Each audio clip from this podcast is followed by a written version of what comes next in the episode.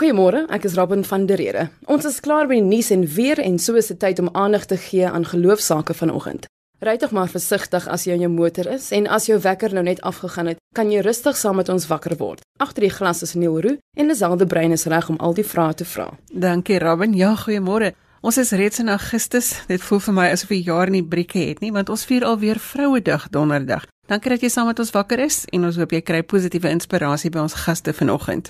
Ons gesels vanoggend met 'n handvol gaste. Inay Renisha en Anel Kirsten gesels oor gesond eet. Sonika Gillespie vertel van hulle werk in die middestad van Pretoria. En die nuwe algemene sekretaris van die Verenigde Gereformeerde Kerk van Suid-Afrika stel haarself aan ons voor. Ons hoor ook van 'n unieke dankbaarheidsfees wat op Kleinmond gehou is in die Wes-Kaap. Jy kan saamgesels by 45770 teen R1.50 per SMS. Dan is daar natuurlik die webwerf waar jy vir ons 'n boodskap kan stuur na die ateljee toe.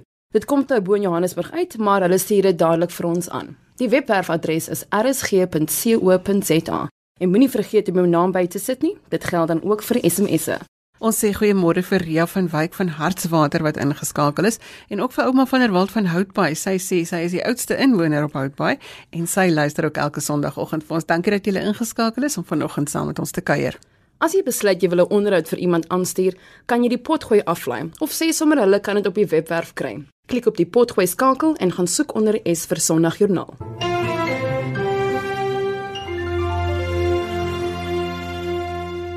Desiree Brown is die nuwe algemene sekretaris van die Verenigde Gereformeerde Kerk van Suid-Afrika en ons gesels vanoggend met haar.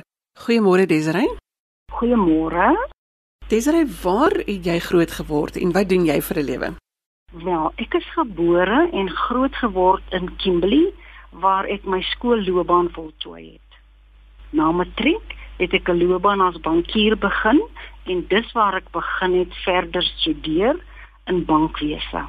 Ek het in die bank gewerk vir 'n totaal van 40 jaar. Ek het in Januarie 2015 as senior takbestuurder met 'n kredietportefeulje op vroeër pensioen afgetree. Na dit het ek nog steeds van tyd tot tyd uitgehaal by die bank, maar dit was op 'n kontrakbasis. Terselfdertyd het ek as ouderling by die VGK Kerk in Florianville, Kimberley uitgehelp. Ek het by die kerkkantoor gehelp totdat ek aansoek gedoen het vir die pos van algemene uh, sekretaris van die Verenigde Geregtemeerde Kerk van Suider-Afrika. Ek is getroud en my man is ook van Kimberley.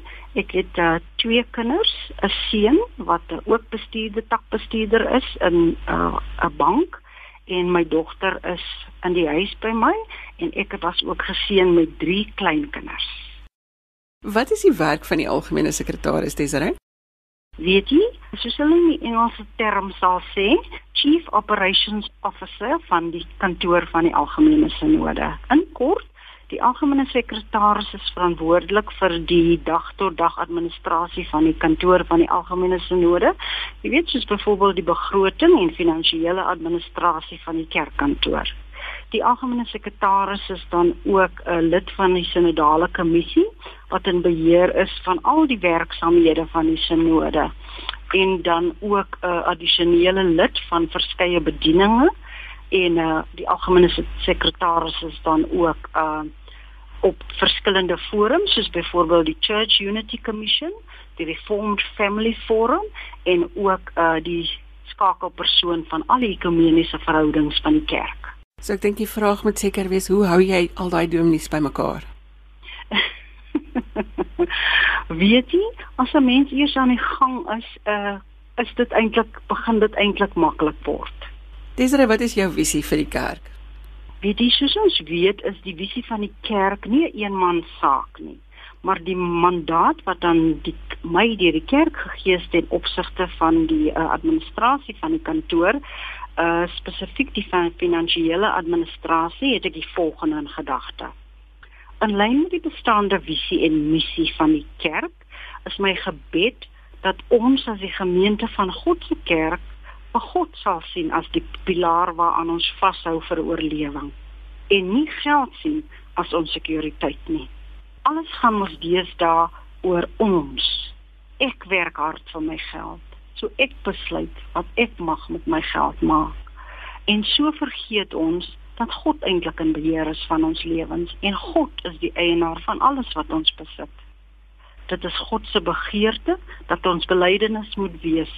Laat U alles in my lewe beheer. En dit moet eintlik 'n kwessie wees van hoeveel van God se geld kan ek vir myself hou en nie hoeveel van my geld kan ek vir God gee nie. So ja, my visie vir die kerk is dat ons aan die Here sal gehoorsaam word en op die Here vir ons voorsiening vertrou. My gebed is dat die geld wat God aan ons toe vertrou, sal gebruik word as 'n manier om die kerk en om ons medemens te help, sodat die kerk kan funksioneer binne God se plan uh, wat God het vir die kerk. En ek weet dat die Heilige Gees ons sal lei hoe om by daardie plek uit te kom. Dis reg deel met ons die plek van geloof in jou eie persoonlike lewe. Uh, I'm going to answer that in English because I'm a lot more comfortable in talking out of my heart in English. Uh, as a child, I was raised in a Christian home.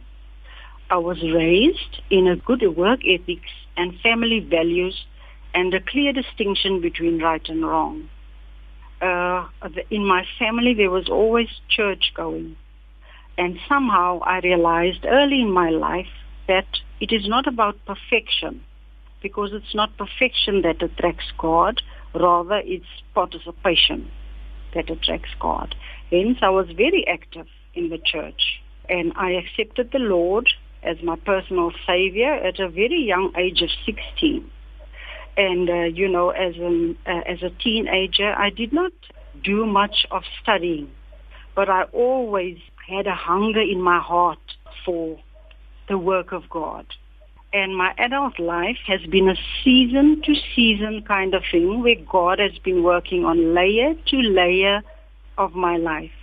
I have seen God do great miracles in my life and in the lives of others. I had good times seeing God do miracles in the church, but my best time was my experiences alone with God. Going to church is very important in my life but it means nothing if you don't go home and live out what you learn. Uh, throughout my church life, I've been extremely blessed with God-fearing mentors, and uh, I have a passion for serving God. Dis reg baie dankie dat jy vanoggend jou lewe met ons gedeel het en ons wens vir jou goeie wense toe vir jou nuwe pos as algemene sekretaris van die Verenigde Gereformeerde Kerk. Baie dankie en dit was goed om 'n deel van my lewe met u te deel. Desiree Brown daar van die VGK in gesprek met Lisel. Jy luister na Sondagjoernaal hier op RSG 100 tot 104 FM en dis hier waar ons hoor hoe mense oor geloof dink. Ladies Arise is 'n projek van die Pretoria se Middestadbediening PEN en dit is hulle doel om vroue te help wat nie 'n heenkome het nie. Ons gesels vanoggend met Sonika Gillespie, sy is die projekbestuurder van hierdie projek. Môre Sonika? Môre. Waar het Ladies Arise ontstaan gehad? Ek self het al vir van 2000 af van verskeie organisasies uitgereik na soortgelyke vrouens en toe het ek 5 jaar terug vir PEN genader of ek onder hulle Sambreel kan werk en onder hulle autoriteit en daar het ons 'n naam gekry vir ons projek en daar het ons weggespring en ernstig geraak met die werk onder die vroue. As jy nou sê soortgelyke vroue, watter vroue is dit wat julle bystaan? Dis nou maar vrouens op straat. Ons het saaklik begin met vrouens in prostitusie wat straat besigheid doen en toe dit later uitgebrei na hawelose vrouens want dit is maar ehm um, prostitusie is op 'n manier 'n sekondêre vorm van haweloosheid. En ehm um, dan maar vrouens wat op straat beland as gevolg van dwelms of na hulle mans of hulle karels hulle mishandel het en geen inkomste het nie, hulle land ook op straat. So dit is maar die die groep vrouens. Julle het 'n kerkgebou omskep 'n pen uh, jare gelede in die middestad van Pretoria waar hierdie vrouens ook gehuisves en gehelp word. Hoe werk dit? Ons het begin net eers net met uitreik op straat. Ons was elke dag op straat en die vrouens na ons genooi vir koffietjie en as hulle verder hulp wil hê. En toe later het daar so baie vrouens gekom dat ons moes 'n drop-in senter oopmaak. En nou hardloop ons maandag tot Vrydag van 8 tot 1 so die vrouens kan kom en hulle kan 'n koffietjie kry, altyd iets om te eet, 'n stort, wasgoed was. Dis ook maar 'n uitreikarm te sê, um, ons is hier, ons kan julle verder help as julle verder hulp wil hê. En dan het ons maar 'n krisiskamer as 'n vrou sê sy wil nie langer op straat wees nie, sy wil wegbreek, dan huisves ons haar vir 'n tyd uh tot ons haar kan verwys na 'n organisasie wat 'n langer pad met haar kan loop, soos 'n safe house of uh, rehabilitasie want die meeste van ons vrouens is verslaaf aan 'n ander dwelm en dan is dit soms uh, vrouens wat ons nêrens geplaas kan kry nie wat ons dan bietjie langer hou tot ons hulle kan help om hulle eie voete te kan kom. Hoe benader mens iemand wat so op straat leef en wat waarskynlik dalk onder die invloed van een of ander vorm van dwelm is? Jong, ons het ons het altyd 'n ysbrekertjie, so ons het altyd lekkers by ons. En omrede meeste op dwelms is het hulle altyd 'n craving vir vir soetgoed. So hulle sal nooit vir jou nee sê as jy vir hulle lekkertjie aanbied nie. Dan bied ons 'n lekkertjie aan en dan sê ons maar wie ons is en vra vir hulle wie hulle is. En ehm um, dis baie baie skaars dat dat hulle nie vriendelik is en en uh meeste van hulle is baie eensaam, so hulle het 'n groot behoefte aan vriendskap. So dis eintlik nie so moeilik om hulle te benader. Hoe gee julle weer vir hierdie vroue menswaardigheid en kan 'n mens enigstens so 'n projek dalk meet wil ek amper in aanhalingstekens sit? Het julle sukses met hierdie vroue? Ja, definitief. Ag ons begin menswaardigheid gee by die basis. Goed wat elke vrou nodig het. 'n uh, Lekker stort, skoon klere, toiletware om jou wasgoed te was en dan van daar af ehm um, uh stuur ons hulle na ander organisasies wat hulle kan help uh um sekere vaardighede aan te leer, my miskien om hare te doen, en naels te doen, weet um iets wat hulle mee hulle eie inkomste kan kry. En dan is ook van tyd tot tyd 'n basiese uh besigheidskursus wat ons hulle aan aanleer hoe om 'n klein besigheid te begin, soos van, van hulle verkoop lekkertjies of hulle braai hoendervoete op die hoek en hulle kry so inkomste en dan so groei dit maar tot hulle 'n werkie kry en dan op hulle eie voete kan staan. En met die sukses ons ons begin dit so klein klein te meet as ek 'n uh, vinnige storie kan vertel oor 'n vroutjie gehad het sy by ons gekom het was sy so getraumatiseer sy het altyd haar duim gestyg en sy kon jou nooit in die oë kyk nie. En later het sy ons sê sy jou in die oë kyk sy het op haar duim styg sy het 'n kursus voltooi ehm um, hoe om naels te doen en vandag is ehm um, is sy terug by haar familie en het sy so klein salonnetjie by haar ma se huis wat sy mense se naels doen. So ehm um, dit dis een sukses storie wat ons het as ek so vinnig kon gedeel het. Sonika, hoe beland hierdie vroue op straat? Wat wat is dit wat hulle daar kry? Dis tragiese stories. Meeste van hulle in huise groot geword waar hulle vreeslik fisies en seksueel mishandel is. En ehm um, dan hardloop hulle maar weg of hulle word deur hierdie ehm um, mans genader wat uh, vrouens verkoop op straat pimp en ehm um, hulle maak beloftes sê vir hulle hulle sal vir hulle verblyf gee, hulle sal hulle help studeer ehm um, en en hulle koop vir hulle mooi goed wat hulle nooit gehad het nie en wanneer hulle dan saam 3 maande wegloop, dan word hulle geforseer om prostitusie te doen. En ehm um, baie van hulle voel maar ek ek, ek kan nie iets beter wees in my lewe nie. En dis waar ons in konflikte wys, ja, jy is pragtig. Daar's geleenthede daar buite. Jy's kosbaar vir die Here en ehm um, jy hoef nie te bly waar jy is. Sonika nou geloof moet 'n baie groot rol speel in die werk wat 'n mens doen en in die manier hoe mense hierdie mense benader. Watter invloed het dit op jou eie persoonlike geloofslewe? Jo. Toe ek begin het met met hierdie werk met die vrouens, het ek altyd gedink ek gaan hulle help. En ek gaan vir hulle van die Here vertel. Nou ek dink hulle het 'n groot invloed op my lewe gehad. Hulle het my meer van die Here geleer en van genade geleer en van God se groot vergifnis geleer as wat ek hulle ooit kon geleer het en ehm um, ek sê baie keer vir mense ek self dink ek is die grootste sukses storie van hierdie bediening want die Here het die grootste werk in my eie lewe gedoen. Sonika baie dankie dat jy 'n stukkie van jou lewe vanoggend met ons gedeel het. Baie baie dankie vir die geleentheid. Ons het sopas gehoor van Sonika Gillespie oor die werk van Ladies Arise. As jy nou net ingeskakel het, sê ons goeiemôre. Jy luister na Sondagjoernaal saam met Lazelle en Robin en Neil ons produksieregisseur. Gaan maak gerus 'n draai op RSG se webblad by rsg.co.za vir kontakinligting oor vandag se gaste. Ineire en hier sê Nanel Kirsten gesels vanoggend met ons oor gesondheid en reg eet en jy mag dalk nou vra hoekom praat ons daaroor in 'n geloofsprogram maar hulle gaan nou vir ons vertel môre Inai. Goeiemôre Lisel. Môre Anel. Goeiemôre. Ina, jy het verskeie resepteboeke agter jou naam. Waar kom jou gewoonte van gesond eet vandaan? My gewoonte van gesond eet is is gebore uit 'n soeke om regtig waar vir my liggaam goed te wees en die meeste moontlike energie te kan hê wat ek moontlik kan hê om te kan produktief funksioneer. Daar's 'n rede hoekom jy gaan navorsing doen het of gaan nasoek het na die manier waarop jy goed doen. Dis reg. Weet jy wat, Lisel, ek glo ons is absoluut uniek gemaak, geweef. Dit is wat die woord vir ons sê en ek glo die Here het nie twee van ons dieselfde gemaak met dieselfde detail, dieselfde gawes, talente en en liefdes in die lewe nie. So vir my het ek gaan kyk na wie is ek en en binne my ag my paar jaar van um werk met gesond eet en leefstyl en so het ek agtergekom dieselfde goed werk nie vir dieselfde individue op dieselfde manier nie. En dit het my laat wonder maar waar begin ons soek? En ek het ek het gedink maar is daar 'n manier hoe ons kan weet of sien wat het die Here in ons gesit? Jy weet en wat is jou blou druk? Wat maak jou wie jy is? En dis fantasties van die dag in die tyd waarin ons leef, is dit nou moontlik vir ons om soos wat ons op die TV sien die DNA toetse en so aan te doen.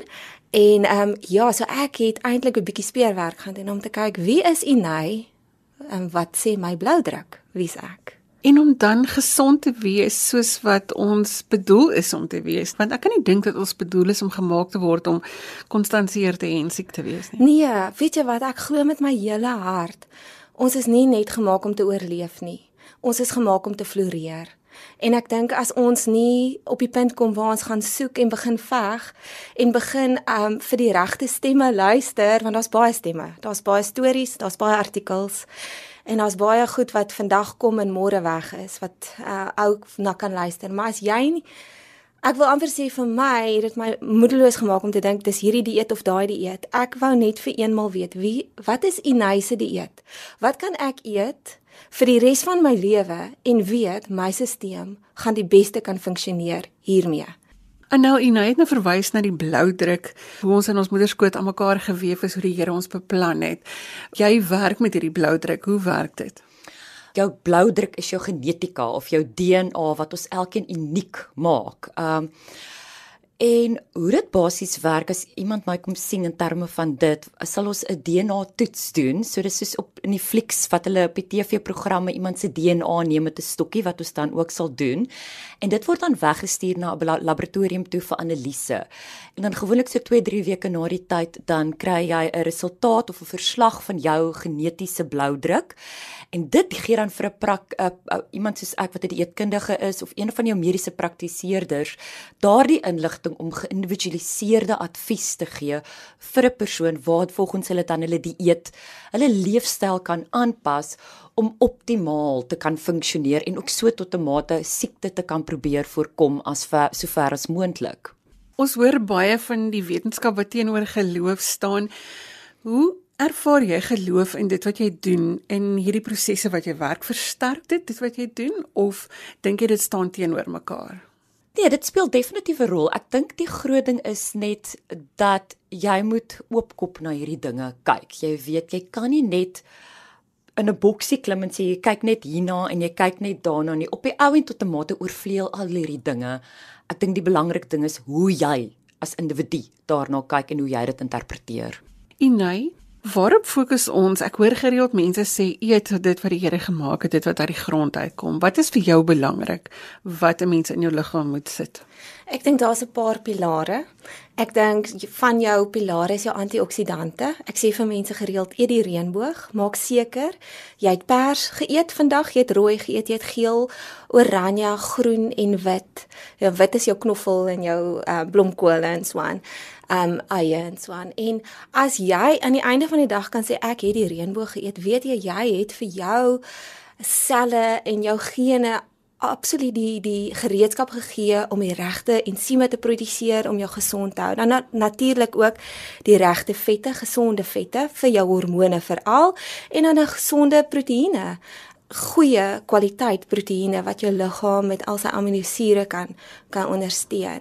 En dis die basis. So as jy daarna kyk en jy dink, "O, ek moet 'n reënboog eet en ek moet gesonde vette eet en ek moet gesonde proteïene eet," dan as jy dit prioriseer, is daar eintlik baie baie min plek oor vir enigiets anders. En dis eintlik die groot klemverskywing vir my. Is is eet net optimaal eerste om vir jou liggaam die regte gereedskap te gee en jou liggaam sal vir jou soveel dan verder kan vat. Jy met 'n reënboog bedoel ons dan net die sprinkles op 'n donut. Ehm um, nee, bepaald nie. En ehm um, dit is nou net die menslike toestand daai, hoor, want kyk, ons soek 'n kort pad vir enige ding en ons soek 'n die Engelse man sê 'n loophole. So ons soek daai loophole. So ja, nee nee, die die sprinkles op die donut is bepaald nie die reënboog nie. As ons vanoggend vir gelowiges kan sê hoe hulle na hulle liggame moet kyk met dit wat hulle inneem, wat sal jou boodskap wees?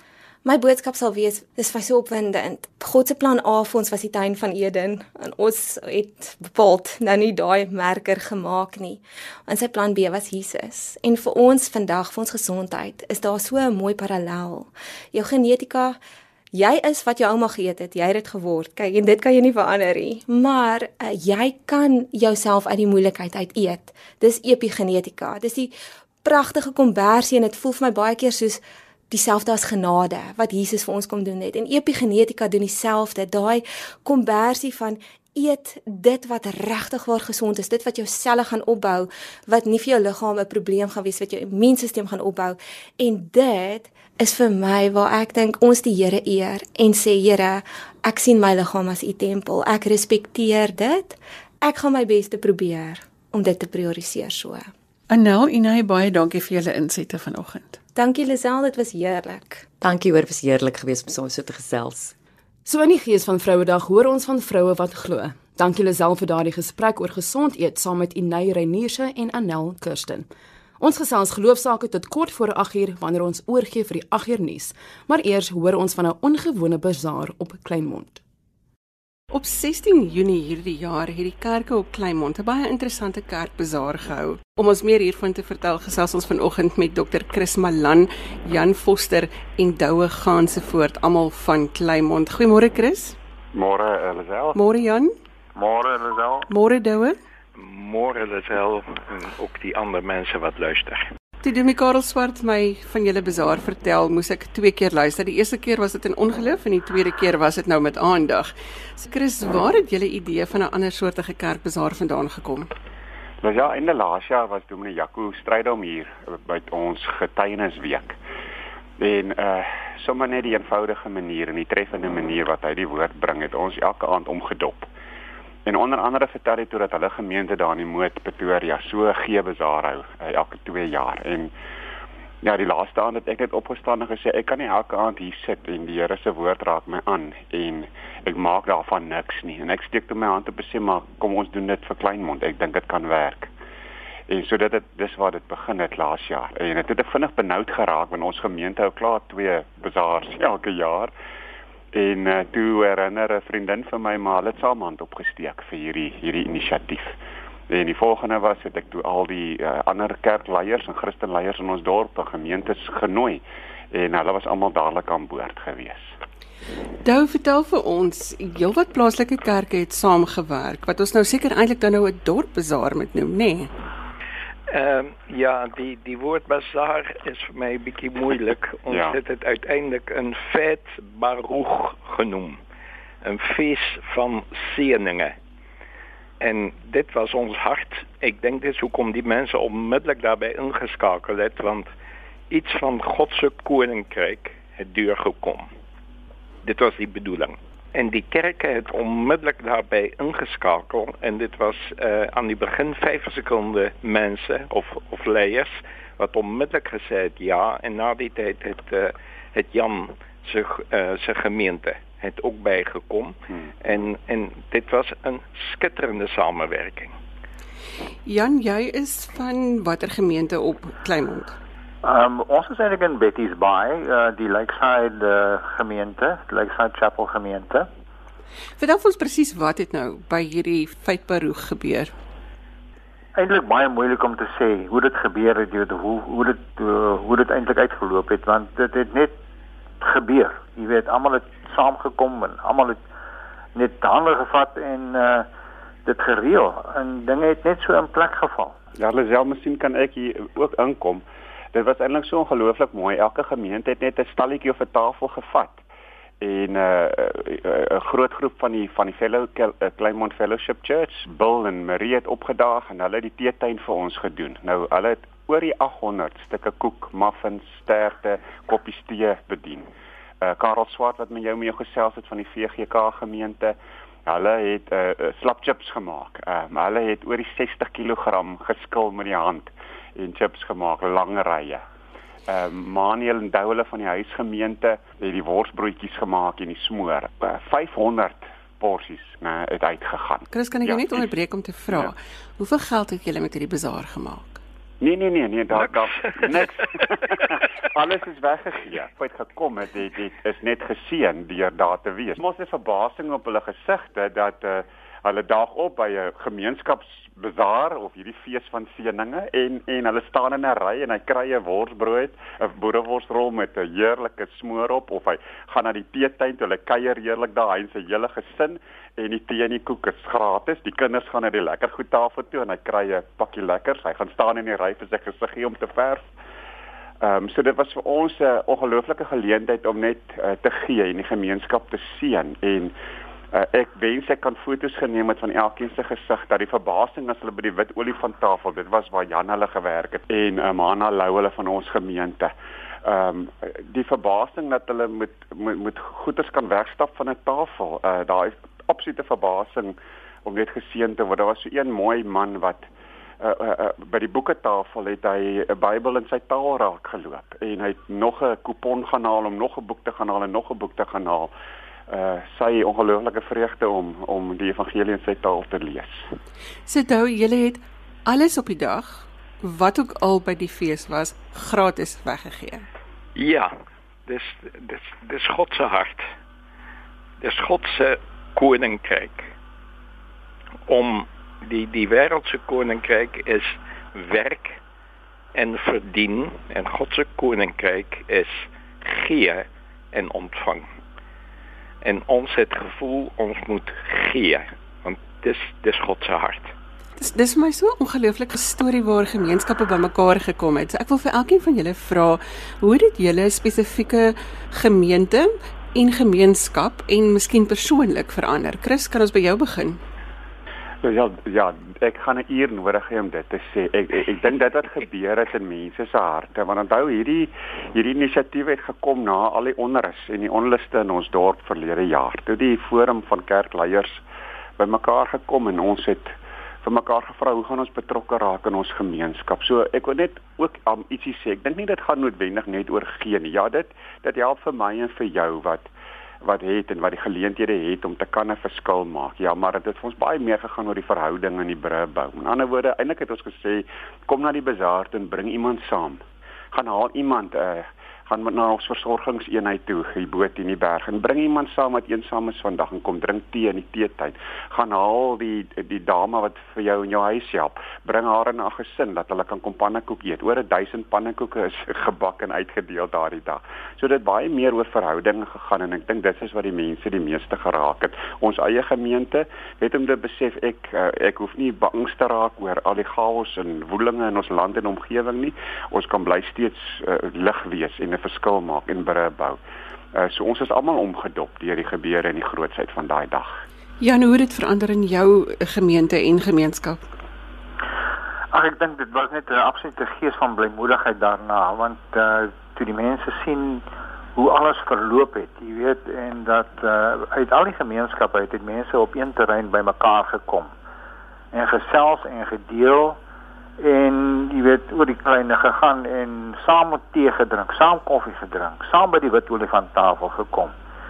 Ehm um, dit was net absoluut 'n geseënde geleentheid, jy weet en ek dink dit dit is die groot ding, dit het 'n 'n absolute gees van verwagting van wat die toekoms vir ons inhou. in die gemeenskap het dit geskep. Douwe vir jou gemeenskap en dalk 'n bietjie persoonlik. Hoe verander dit 'n mens as jy hierdie ding sien gebeur hier voor jou en jy's deel daarvan? Ons in ons groepie het geweldig lekker saamgewerk. Ons het alles uh, die die die mense wat betrokke was, ook mense wat later daarvan gehoor het voor die fees, maar later daarvan gehoor het, het betrokke geraak wat wat nooit by ons gemeente betrokke was nie en hulle het hulle inisiatiewe ingezet. So ehm vir my was dit geweldig kosbaar om ook weer Jan praat van die vreugde, maar om die vreugde op die mense se gesigte te sien.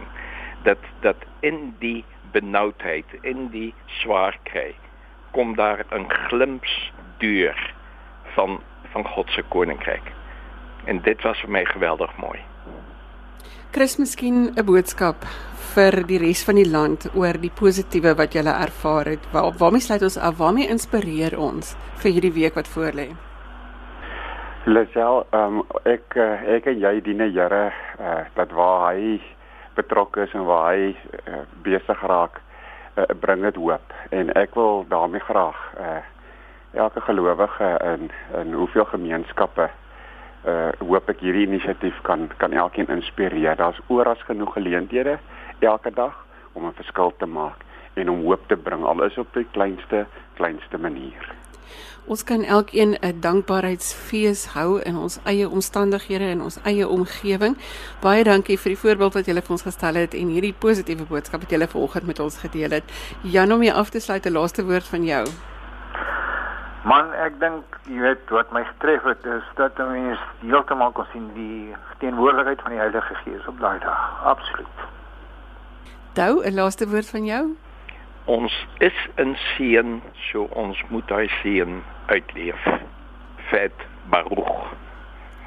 Dan met daardie woorde groet ons vir vanoggend. Baie dankie manne dat julle met ons gesels het vanoggend. Dit was 'n groot voorreg. Baie dankie. Goed. Baie dankie. Mooi bly. Volgende keer moet hulle ons net vroegtydig laat weet Lisel dat ons daarom ook in die pannekoekry kan gaan staan. Ek stem absoluut saam, Robert. En daarmee met 'n mond vol pannekoek is ons aan die einde van vanoggend se program. Onthou daar is heelwat programme op RSG wat jou sal geselskap hou hierdie dag. Skakel in 05:30 vanmiddag vir ons in die onderwys wanneer Johan gesels oor die belangrikheid van fisieke ontwikkeling van leerders. Van my, Robin van der Rede. Totsiens. Jy kan vir ons e-pos met kommentaar of as jy 'n geloostorie met ons wil deel, My e-posadres is lizel@wwmedia.co.za. As jy vanoggend vir eerste keer na ons luister, gaan ek dit weer sê. Dis lizel l e z e l e by wwmedia.co.za of jy kan ook vir ons 'n boodskap deur die webwerf stuur by rsg.co.za. En soos Robin gesê het, dit kom in Johannesburg uit, maar hulle stuur dit dadelik vir ons aan. Onthou om jou kontakbesonderhede by te voeg en doen moeite om te gaan kyk vir die kontakdetail van ons gaste op Facebook of op RSG se webwerf. Tot volgende keer groet ek namens produksieregisseur Neil Roo. Onthou maak 'n punt daarvan om uit te reik en vandag iemand se lewe makliker te maak. Totsiens.